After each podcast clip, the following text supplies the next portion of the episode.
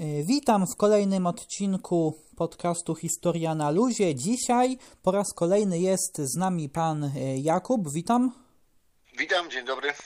E, dzień dobry. No i tutaj właśnie, gdy ostatnio był z nami pan Jakub, no to rozmawialiśmy o podejuchach, czyli tak tutaj właśnie był taki akcent tej, tej historii regionalnej, a dzisiaj tutaj z panem Jakubem porozmawiamy na temat Lwa Trockiego, czyli można powiedzieć, że tutaj dzisiaj taka historia no, światowa, można powiedzieć. Tak jest, całkowicie zmieniamy temat, całkowicie przenosimy się w różne rejony. Tutaj z niewielkich podiów przenosimy się na arenę światowej polityki, której bez wątpienia jednym z czołowych aktorów przez dobrych parę lat był Lew Dawidowicz Trocki. No właśnie. Właśnie, no to żeby tutaj przybliżyć, no to właśnie Lew Trocki właśnie no to był znanym, znanym działaczem komunistycznym właśnie, człowiekiem właśnie, mm, tak jak pan wspomniał właśnie, która odegrała dużą rolę w historii właśnie, jak i też właśnie w historii tutaj Związku Radzieckiego. I ja chciałem tutaj na początek, na, na początek właśnie to warto przybliżyć, w jakich latach żył Lew Trocki, no bo był to działacz z wieku XIX i XX.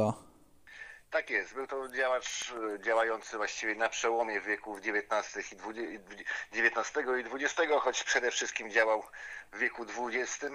Urodził się 7 listopada lub jak to woli starego stylu 25 października 1879 roku.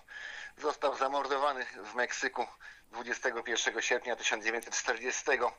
Jego działalność no, z siłą rzeczy, z, z, akcji, z racji urodzenia przypadała przede wszystkim na, na wydarzenia związane z wiekiem XX, przede wszystkim na rewolucję 1905 roku, na rewolucję bolszewicką 1917, na późniejszą wojnę domową, która toczyła się przez najbliższych kilka lat, no i później na walkę ze Stalinem i stalinizmem w międzynarodowym ruchu komunistycznym, którą toczył do samej swojej śmierci. No właśnie, i też warto wspomnieć, że urodził się jako Lejba Bronstein, bo Lew Trocki był tutaj pochodzenia żydowskiego właśnie. I tak jak też wielu innych działaczy właśnie tutaj z różnych państw było pochodzenia żydowskiego, co też w XX wieku spowodowało wśród takich ludzi o radykalnie prawicowych poglądach, spowodowało jakby utworzenie się takiego pojęcia żydokomuna, że jakby tutaj Żydzi stoją za tym, za tym ruchem komunistycznym, no to przeciwnicy komunizmu czasami też podnosili nienawiść do Żydów też, nie? W jakimś stopniu. No tak, ta zbitka pojęciowa żydokomuna e, oczywiście tak naprawdę całkowicie absurdalna, no ma długą e, tradycję i zapewne się nie skończy nigdy. No, warto przypomnieć, że nie tylko Trocki i cały szereg innych działaczy, którzy później odgrywali czołową rolę w państwie bolszewickim, ale przede wszystkim sam e, twórca marksizmu, czyli Karol Marx, byli pochodzenia żydowskiego. Nie było w tym absolutnie nic dziwnego. Przede wszystkim nie tylko marksizm, ale ogólnie no, robotnicza lewica y, przede wszystkim odrzucała nacjonalizm, y, tworzyła dla mniejszości żydowskiej, mniejszości żydowskiej często spychanej na margines i nie tylko intelektualnej, ale i politycznej i gospodarczej, szczególnie we wschodniej Europie, przestrzeń swoistego rodzaju azyl. Mówiono im nieważne, czy jesteś Żydem, Polakiem, Rosjaninem, Niemcem, Ważne, żebyś walczył o sprawiedliwość społeczną. To nas łączy. Jesteśmy internacjonalistami, nie patrzymy na swoją narodowość. W każdy ma szansę, bez względu na to, skąd pochodzi. No i to też sprawiło ten olbrzymi napływ no, na napływ mniejszości żydowskiej do, do ruchów lewicowych, nie tylko zresztą do, do marksistowskich, ale też do różnych pokrewnych ruchów lewicowych i dosyć dużą reprezentację, szczególnie e, wśród e, czołowych działaczy.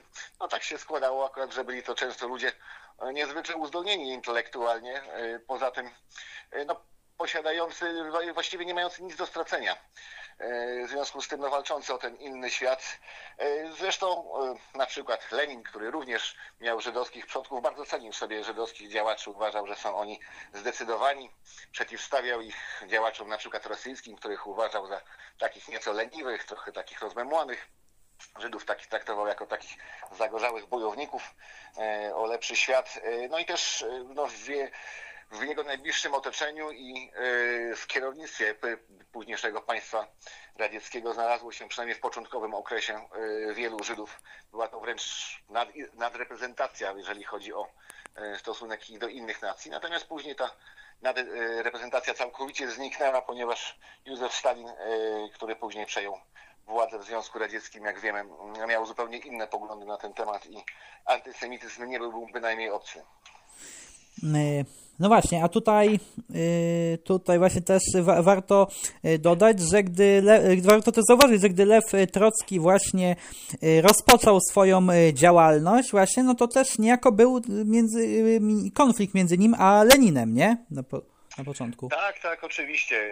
To długo, długoletni konflikt między Trockim a Leninem, między e, koncepcjami, które zgłaszał Trocki, a, a które, którym, którymi, którym hodował Lenin. Natomiast trzeba pamiętać, że Działacze ci e, obaj od samego początku byli e, skrajnych poglądów, byli zdecydowanymi rewolucjonistami, chcieli obalać e, kapitalizm przy pomocy rewolucji i później wprowadzać dyktaturę proletariatu i to ich później do siebie zbliżyło.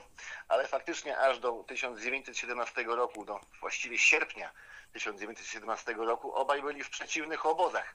E, Trocki nawet z przyczyn e, osobistych, e, z os przyczyn osobistych powiązań był związany z mięszewikami, choć nigdy nie hołdował ich koncepcjom politycznym. Było to bardziej po prostu związane z tym, że miał tam znajomych, przyjaciół. To go wiązało raczej z tą frakcją w ruchu rosyjskim, w rosyjskim ruchu rewolucyjnym niż poglądy. Natomiast kiedy Trocki już przyłączył się do bolszewików, no, stał się praktycznie z miejsca drugą postacią po Leninie. E, czołową postacią praktycznie rzecz biorąc, to, to Trockiemu e, przede wszystkim zawdzięczano udany przewrót bolszewicki. On stał na czele Komitetu Wojskowo-Rewolucyjnego, a w późniejszych czasach partia bolszewicka nazywana była partią Lenina Trockiego i e, obie te postacie były tak mocno mm, ze sobą związane, że wielu rosyjskich chłopów na terenie tego olbrzymiego państwa myślało, że to jest jedna i ta sama osoba o dwóch imionach. Stąd też i e, późniejsza kampania, która e, no, dyskredytowała Trockiego i no, właściwie zaprzeczała wszelkim jego osiągnięciom, musiała mieć olbrzymią skalę no i trzeba było po prostu powoływać właściwie całe instytucje do tego, żeby wymazywać Trockiego z kart radzieckiej historii, a on tworzył ją bezpośrednio i miał wielki wpływ na to, że bolszewicy e, sięgnęli po władzę.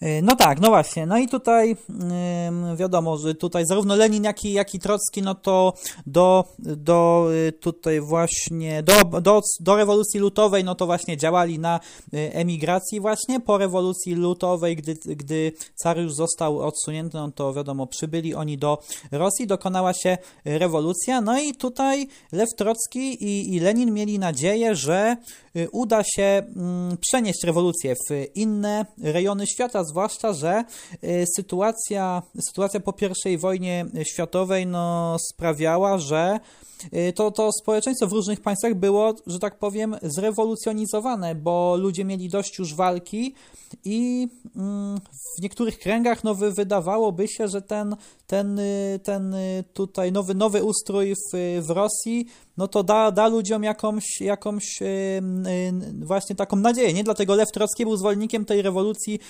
permanentnej i zwolennikiem tego, żeby Armia y, Czerwona y, przeszła jakby przez Europę, zaprowadzając właśnie, y, tworząc taką, taką, że tak powiem, taki socjalistyczny związek Republik Europy ze stolicą właśnie, jeszcze no nie wiadomo wtedy, gdzie ona by się znajdowała, no ale no na szczęście ten plan się tutaj nie powiódł, no bo to by, no bo to by właśnie znaczyło, że wiele państw osób przestałoby znowu istnieć.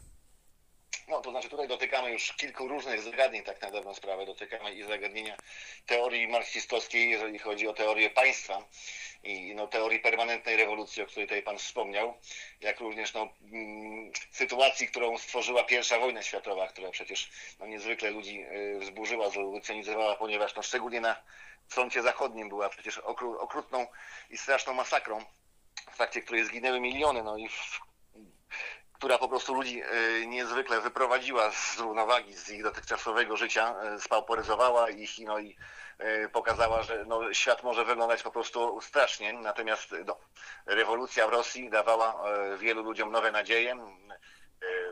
natychmiastowy pokój, ziemia dla chłopów, fabryki dla robotników, to były hasła, które podobały się po prostu na zachodzie, również na wschodzie.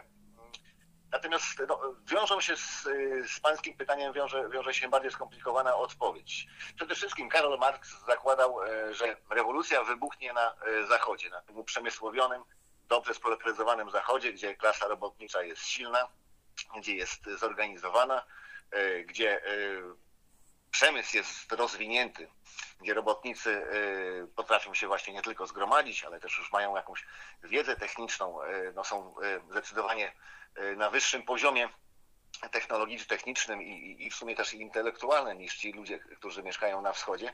A tu się nagle okazuje, że rewolucja, y, która przejmuje władzę, wybucha zupełnie w innym miejscu, wybucha na wschodzie, y, w kraju, gdzie klasa robotnicza jest niewielka, bardzo niewielka, dopiero się tworzy tak na dobrą sprawę. Szacuje się, że w trakcie rewolucji bolszewickiej na 170 milionów mieszkańców dawnego Imperium Carów tylko 3 miliony były robotnikami, reszta to byli przede wszystkim chłopi. E, no, natomiast z drugiej strony też była to klasa e, robotnicza, która tworzyła się tuż przed właściwie pierwszą wojną światową, na te kilkadziesiąt lat przed pierwszą wojną światową i też skupiona była w wielkich, nowoczesnych zakładach, jak chociażby zakłady puciłowskie w Petersburgu. Także te niewielkie, ale jednak jakieś oparcie w samych miastach e, mieli były bolszewicy w klasie robotniczej, natomiast przede wszystkim ta klasa robotnicza pływała, mówiąc e, nieco w cudzysłowie, w wielkim morzu chłopskim. E, no i oczywiście tutaj, jeżeli przejdziemy dalej do, do tego, do teorii permanentnej rewolucji, no Trocki uważał, że no, rewolucja, która e, obala carat, przede wszystkim obala tego typu reżimy, no nie może zatrzymać się na tym etapie demokratycznym, na przejściu z e, monarchii absolutystycznej do, do państwa, jak to nazywa, burżuazyjnego, ale musi iść dalej, musi przejść do rewolucji socjalistycznej. No i później, e, przekształcając też również całe społeczeństwo, powinna się rozszerzać, ponieważ nie może wygrać rewolucja w jednym kraju, nawet w tak olbrzymim kraju jak Rosja i tu też później go skonfrontowało bardzo mocno ze Stalinem, który był zwolennikiem e, teorii e, e, socjalizmu w jednym kraju.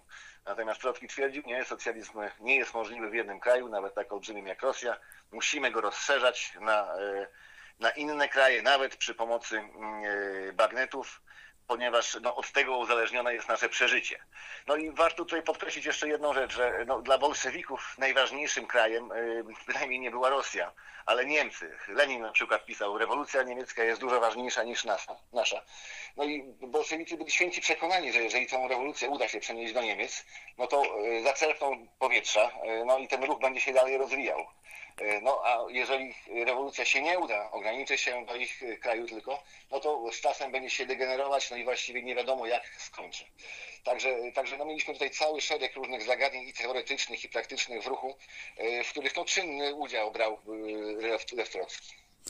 Y, no właśnie, no i tutaj mamy też taką sytuację, że wiadomo, no Lenin jest przywódcą Rosji Radzieckiej, później Związku Radzieckiego, jako właśnie też no, przewodniczący Rady Komisarzy Ludowych, no ale Lenin y, no, stawał się już coraz bardziej chory, no i napisał swój y, testament właśnie, w którym, no jakby w, ty, w tym testamencie tam było zawarte informacja, że Stalin miał zostać też niejako odsunięty, a Stalin no, zyskiwał wtedy coraz większą E, władzę. No i gdy Lenin umarł, no to Stalin nakazał e, ukryć ten e, testament właśnie, nie? No i przejął władzę, a Trocki stawał się coraz bardziej jakby, no też marginalizowany. Oczywiście to trwało stopniowo, bo Stalin musiał tą swoją władzę umocnić, no i, że tak powiem, zwolennicy Trockiego byli taką lewicową opozycją w, w partii, nie? Tak jest. List otwarty do partii, znany bardziej jako testament Lenina, jest y, dokumentem niezwykle ciekawym. Przede wszystkim e, patrząc na całą twórczość e, e, publicystyczną Lenina. W tym dokumencie on przede wszystkim charakteryzował sześciu członków biura politycznego, sześciu swoich najbliższych współpracowników, naj, najważniejszych ludzi w partii i zarazem w państwie, w tym między innymi właśnie Trockiego i Stalina. No i Trzeba pamiętać, że ten list otwarty składał się jakby z dwóch części. W pierwszej to była ta charakterystyka ludzi właśnie takich jak Stalin, Trocki, Piataków, Bucharin, Zinowiew i Kamieniew, ale później ze względu na osobiste stosunki, osobiste relacje Lenina ze Stalinem, które pogarszały się w sposób no, bardzo szybki, Lenin dodał do tego dopisek mówiący o tym, że Stalin jest zbyt brutalny i należałoby go zastąpić człowiekiem e, o innych cechach. Natomiast też nie mówił, kim miał, należałoby go zastąpić, raczej zostawiał to tak zwanej partii. E, no i oczywiście ten dokument, gdyby został odpowiednio wykorzystany przez Trockiego, no mógł stanowić bardzo silną polityczną broń. Natomiast E, wykorzystał go przede wszystkim Stalin e, i to nie sam. Trzeba pamiętać, że do walki z Lewem Trockim zaangażowała się cała wierzchuszka bolszewicka. Pamiętała mu przede wszystkim to, że e, Trocki był bardzo świeży bolszewikiem. bolszewikiem. Wyrzucano mu to, że atakował wcześniej Lenina, że był związany z mięszewikami. Do, do walki z Trockim ruszyli przede wszystkim najbliżsi współpracownicy Lenina, czyli Zinowiew i Kamieniew, Georgi Zinowiew, który stał na czele Międzynarodówki Komunistycznej, no i wicepremier Lew Kamieniew, jeden z najbliższych e, współpracowników Włodzimierza Lenina, a przy okazji szwagier Trockiego, bo przecież był żonaty z jego siostrą Olgą. Dołączyli się do tego później tacy działacze jak Nikołaj Bucharin. No wszystko to, to były naprawdę potężne postacie wówczas. I też Dzierżyński, Felix, nie? Tak, również Felix Dzierżyński. Jakkolwiek trzeba pamiętać, że Felix Dzierżyński zawsze grał w swoją własną grę. Nigdy nie można go traktować jako człowieka Stalina, e, bo oni byli tak zwanymi no, sojusznikami e, w pewnym okresie, w pewnym czasie. Natomiast no, każdy z nich tutaj próbował e, uzyskać coś dla siebie. No, na koniec okazało się, że Stalin ogrywa wszystkich. Dzierżyński umiera dosyć wcześnie, bodajże w 1925.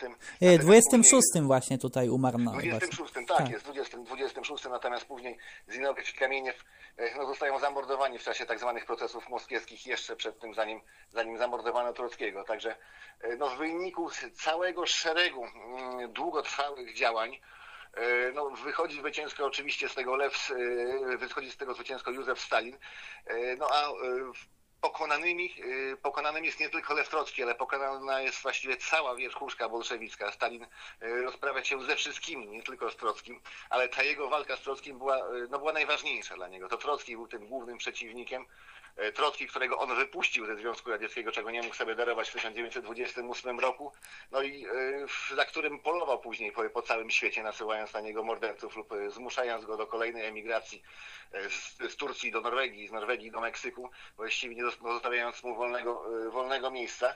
No, to była ta oś też głównego, sporu, głównego sporu w ruchu komunistycznym między Trockim a Stalinem. Natomiast no, była to tak potężna bitwa, że, że wiele leciały wszędzie i no, zapłaciły za, za walkę e, ze Stalinem na różnym etapie życia zapłacili praktycznie wszyscy czołowi e, przywódcy bolszewicy, nawet ci, którzy wcześniej e, ramię w ramię ze Stalinem zwalczali Trockiego. No właśnie, no bo tutaj po, po wielkiej czystce właśnie tutaj stalinowskiej, no to przecież wśród tych, po, po wielkiej czystce stalinowskiej, no to z tych znanych bolszewików, którzy działali jeszcze w czasach Włodzimierza Lenina, no to już nikt nie pozostał właśnie, nie? Nie, właściwie nikt nie pozostał. Ta czystka była no, niezwykle skuteczna. Y, praktycznie rzecz biorąc, no, Trocki był ostatnim z tych y, znanych, y, słynnych bolszewików, który, który się ostał jeszcze, który został zamordowany w 1940 roku, a wcześniej no, wykończono wszystkich już, dosłownie, dosłownie wszystkich, wszystkich też tych, których Lenin oprócz, oprócz Stalina wymienił w, w swoim tak zwanym testamencie. Także i, i zamordowano i Bucharina, i, i Zinowiewa, i Kamieniewa, i Piatakowa także e, no, czystka była kompletna, totalna. Stalin e, zamiast starych bolszewików, no, ludzi bez wątpienia zasłużonych dla tego ruchu, którzy no, oddali mu całe swoje życie, nierzadko z tego powodu siedząc przez długie lata w więzieniu lub na, na zesłaniu, no, wprowadza swoich ludzi, którzy, którzy są ludźmi już zupełnie innego pokroju, innego kalibru, ale przede wszystkim są mu całkowicie oddani no i są, są stoją na, na zdecydowanie niższej pozycji niż on. Nie są oni dla niego żadnym zagrożeniem. E, no właśnie, no i tak jak Pan wspomniał, właśnie Trocki został wydalony ze Związku e, Radzieckiego właśnie, no i ta jego tułaczka e, po, po świecie właśnie trwała, aż w końcu znalazł się w Meksyku, no ale też wiadomo, oczywiście Trocki na emigracji on nie próżnował, nie, no bo założył też czwartą międzynarodówkę właśnie, skupiającą tutaj swoich zwolenników. Tak, oczywiście. No, Trocki się absolutnie nie poddawał nawet na chwilę. No bez wątpienia był, był typem wojownika. W wielu pismach pisał na przykład, że, że musimy płynąć pod prąd, że nie możemy się poddawać, że no, teraz dopiero jest prawdziwa walka, szczególnie jeżeli chodzi o zagrożenie faszyzmem, że na, na tle tego zagrożenia faszyzmu, faszyzmem ta walka w ruchu komunistycznym jest niezwykle istotna. No i Trocki tak zakłada tą, tą czwartą międzynarodówkę, która jest właściwie organizacją działającą do tej pory jeszcze, ale organizacją e, nigdy, e, nigdy nie odnoszącą jakichś wielkich sukcesów, ani politycznych, ani organizacyjnych. E, jest to właściwie zlepek niewielkich organizacji z, no, właściwie z całego świata. No i jeżeli chodzi, jeżeli chodzi o, o tą ideologiczną stronę, no to Trocki był, był z tego w jakiś sposób dumny, tak, że, że potrafił się przeciwstawić Stalinowi na E, arenie międzynarodowej, ale w rzeczywistości nie miało to e, żadnego wpływu. Czwarta międzynarodówka nie wywarła żadnego praktycznie wpływu na, e, na światowy ruch robotniczy, na światowy ruch komunistyczny. No i do tej pory właściwie tak jest, jest już w tej chwili organizacją kompletnie marginalną. Zresztą i sam ruch trockistowski niezwykle się podzielił. Czwarta Międzynarodówka nie była wcale jedyną organizacją. Powstał cały szereg różnego rodzaju innych organizacji mających aspiracje międzynarodowe, a, a oni odgrywających w rzeczywistości najmniejszej nawet roli. E, no właśnie, no bo tak, tak jak Pan wspomniał, właśnie tutaj później powstały jeszcze inne, inne międzynarodówki odwołujące się do y, trockizmu. No ale właśnie, ten, wydaje się, że ten ruch trockistowski od no, momentu jego powstania do dziś dnia, no to raczej chyba widoczny jest, że tak powiem, no, znaczy raczej te, ten ruch trockistowski, no to stanowią raczej w poszczególnych krajach raczej małe jakieś e, grupki, głównie wśród y, inteligentów. No jeżeli by tu porównać, no to nie wiem, na przykład o, y, jeżeli chodzi o o te właśnie tutaj ruchy, no to na przykład y, maoizm był o wiele bardziej tutaj widoczny w różnych regionach świata, gdzie te partyzantki właśnie maoistowskie walczyły właśnie w różnych, w różnych y, rejonach i też walczą tam do, do dziś dnia. No a y, trockizm, no to tutaj właśnie, jeżeli chodzi o ten ruch, no to to jak mówiłem, przedstawicielami w różnych krajach są jakieś tutaj małe grupki ludzi, też przeważnie skłóconych też jakoś też ze, ze sobą, nie? I ten, ten ruch jest marginalny. No tak, tutaj to też jest, jest to, to jest właściwie, wywodzi się to z samego pnia y, ruchów rewolucyjnych, a szczególnie jeżeli chodzi o, o socjalistyczny ruch rewolucyjny, również o rosyjski bolszewizm, ta frakcyjność, te, te wieczne skłócenie jest właściwie immanentną cechą tego ruchu od samego początku. Y, to też zresztą przy okazji no, pokazuje w jaki sposób jego y, charakter, tak? To, to jest to ludzie, którzy dyskutują ze sobą zażarcie, potrafią się spierać, E, no, co prawda nie wynika z tego nic, e, nic dla tego ruchu, no ale dyskutują, tak? I to jest, jednak to jest jakaś tam intelektualna wartość, przynajmniej dla, dla tego ruchu. Natomiast oczywiście przełożenie na, e, na rzeczywistość jest, jest całkowicie żadne. No i najprawdopodobniej tak już po prostu będzie. To zresztą cały ruch lewicowy, ruch komunistyczny, szczególnie po upadku Związku Radzieckiego, no nie miał najmniejszego pomysłu na siebie nie wiedział, co ma ze sobą zrobić, jakie, jakie powinny być dalej jego losy, no i zaczynał powoli, powoli zamierać. Oczywiście też ewoluuje, jest różnie e, postrzegany w różnych krajach, ma, ma różne, mm, różne możliwości oddziaływania w różnych krajach, natomiast bez wątpienia swoje najlepsze lata ma za sobą i nic nie wskazuje na to, żeby miało się to zmienić. E, no właśnie, tutaj wracając do postaci Trockiego, no to właśnie był on w Meksyku no do 40 roku, aż wreszcie tutaj e, dokonany został na niego e, zamach i zamachowcem był Ramon Mercader właśnie, nie? Na który, który tutaj właśnie no to w 40 roku uder, no, uderzył w głowę Lwa Trockiego, nie? I Lew Trocki tak, tak. zginął. Ramon Mercader de Rio alias Frank Jackson i alias, alias Jacques Mordar, agent NKWD E, no człowiek, który się specjalnie przygotowywał zresztą do tej misji, e, którego wyłuskano z Hiszpanii w trakcie wojny domowej w Hiszpanii, gdzie, gdzie NKWD e, poczynała sobie bardzo śmiało i bardzo krwawo. Myślę, że jest to dosyć symboliczne. Sposób, w jaki zamordowano Trockiego jest dosyć symboliczny. Stalin przede wszystkim obawiał się Trockiego jako intelektualisty. Obawiał się jego umysłu przede wszystkim. Zdawał sobie spełnić sprawę, że cała ta czwarta międzynarodówka jest niewiele warta, nie jest w stanie wiele zrobić. Jej e, poparcie w ruchu robotniczym, w ruchu lewicowym jest marginalne. Natomiast bezpośrednio osoba, obawiał się Trockiego, który no, bił go na głowę jako marksistowski intelektualista, to była zupełnie inna klasa. No i Stalin po prostu rękoma swojego agenta zniszczył mózg człowieka, którego obawiał się e, tak strasznie, że ścigał go po całym świecie, chociaż ten właściwie no, był, e, jakby już wtedy nie patrzeć, no, marginalnym politykiem, e, pozbawionym przede wszystkim jakiegokolwiek realnego sposobu oddziaływania. No właśnie, jeżeli chodzi o trockizm w Polsce, no takim znanym trockistą był Ludwik Haas swego czasu. Tak, był profesor Ludwik Haas. Profesor Ludwik Haas znany jest przede wszystkim nawet nie tyle może jako e, trockista, chociaż to też również jak najbardziej, ale przede wszystkim jako autor bardzo wielu publikacji na temat ruchu wolnomularskiego, na temat, na temat masonerii, która zresztą również fascynowała w jakiś sposób Trockiego, chociaż na zasadzie raczej poznania wroga, ponieważ Trocki mówił, że masoneria jest organizacją klasowego wroga, dosłownie używał tego typu słów. No i być może, że, że profesor Haas wierny słowom swojego mistrza w jakiś sposób w ten, chciał analizować ten, ten ruch. Y, tak, ale bez, bez wątpienia to profesor Hasbuk był tą najważniejszą postacią, najbardziej znaną przez całe dziesięciolecia, jeżeli chodzi o polski trockizm.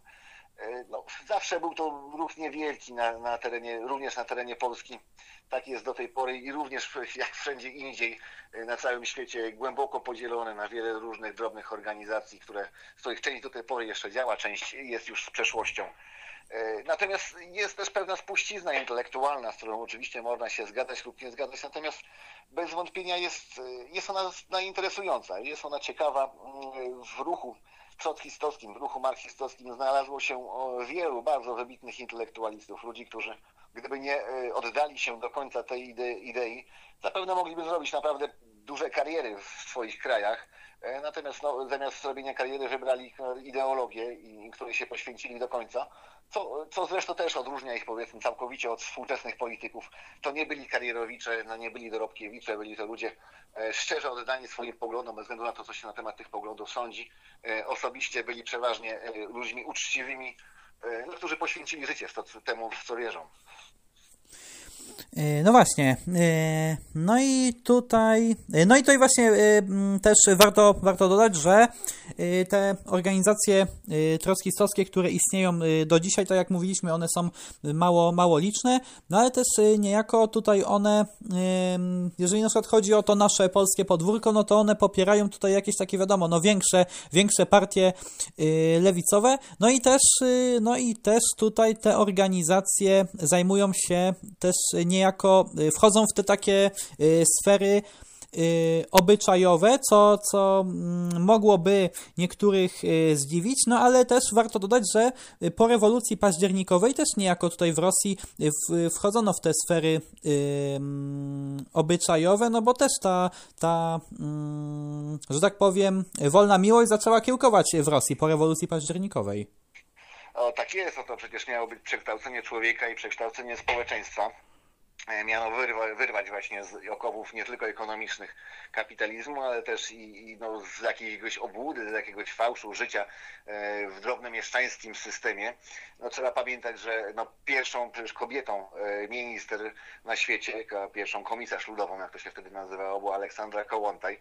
Postać no, niezwykle znana, kontrowersyjna, no, osoba, która propagowała właśnie też i tą wolną miłość, ale i, i stawała też na czele wielu kobiecych ruchów. Później pierwsza zresztą na świecie ambasador, mm, ambasador Związku Radzieckiego, jeśli dobrze pamiętam, w Szwecji, która już była ambasadorem Stalina. E, także to jest standardowa, standardowa postać, jeżeli chodzi o, o tą rewolucję e, seksualną. Natomiast no, trzeba pamiętać, że no, ludzie, ci ludzie też byli, e, byli właśnie działacze, ci byli ludźmi. No. E, Lew Trocki e, też prowadził dość burzliwe swoje życie osobiste, burzliwe i z dużym stopniu też tragiczne.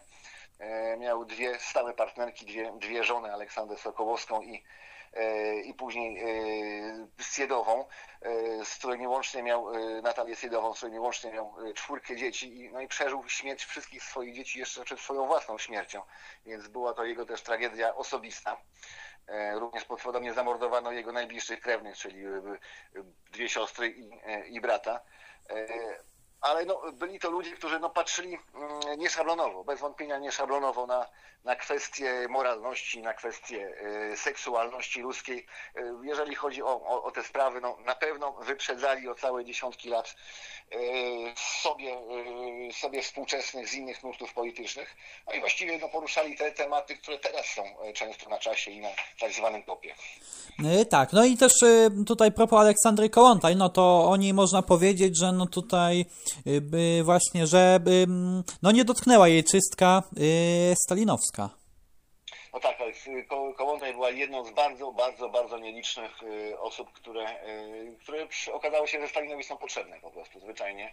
Y, była no, postacią sztandarową dla tej właśnie kobiecej części ruchu marksistowskiego. No i ponieważ, no, jak to pisał Trocki, skapitulowała przed Stalinem, wyzbyła się części swoich poglądów, a przede wszystkim no, nie walczyła z tą częścią stalinowską, E, przestała walczyć. E, no, Stalin stwierdził, że, że przyda mu się po prostu zwyczajnie tak znana postać, e, tak znana, znana kobieta i działaczka jednocześnie, no, która już przestała być groźna też, która nie stanowiła żadnego zagrożenia, a którą można było wykorzystać to dla celów politycznych i propagandowych. No i właściwie Aleksandra Kołątaj spokojnie sobie zmarła w kilkadziesiąt lat po Wielkiej Czystce no, w czasie, kiedy, kiedy starzy bolszewicy już dawno byli, byli przeszłością. Ale to jest właściwie jeden no, faktycznie z bardzo, bardzo nielicznych przypadków, jeżeli chodzi o wierzchuszkę bolszewicką od tych najbardziej znanych działaczy, to chyba właściwie tylko jedyny przypadek. E, znajdowali się jeszcze ludzie, którzy przeżywali wielką czystkę, ale których Stalin na przykład mordował w czasie, w czasie wojny lub też e, tuż po, po wojnie e, przede wszystkim działacze pochodzenia żydowskiego, jak Salomon Łozowski, szef związków zawodowych, także no, Kołątaj, która zmarła we własnym łóżku, była ewenementem tak naprawdę na, na, na, na skalę tego ruchu i, i na skalę tą historyczną, jeżeli chodzi o, o Związek Radziecki i o czasy Stalina. E, no i ja też zapytam, e, czy chciałby Pan coś jeszcze też dodać?